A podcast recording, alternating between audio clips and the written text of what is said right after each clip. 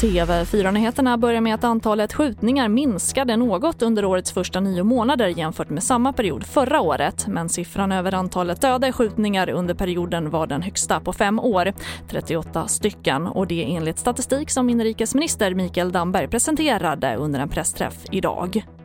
Och idag startade covid-19-vaccineringen av ungdomar mellan 12 och 15 år. En del regioner kommer att sköta vaccinationerna i skolorna men flera erbjuder också att boka tid på vårdcentraler. För 12-åringar krävs samtycke av vårdnadshavare men för äldre barn kan det bli aktuellt med mognadsbedömning för att avgöra om barnet på egen hand ska få besluta om att ta vaccin.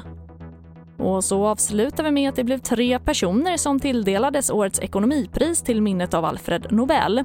Det handlar om amerikanerna David Card, Joshua Angrist och Guido Imbens. Enligt Vetenskapsakademin har forskarna bidragit med nya insikter om hur arbetsmarknaden fungerat och visat vilka slutsatser om orsak och verkan som går att dra från naturliga experiment, alltså situationer som uppstår i verkliga livet. Och det får avsluta den här sändningen. Fler nyheter hittar du i vår app TV4 Nyheterna. Jag heter Charlotte Hemgren.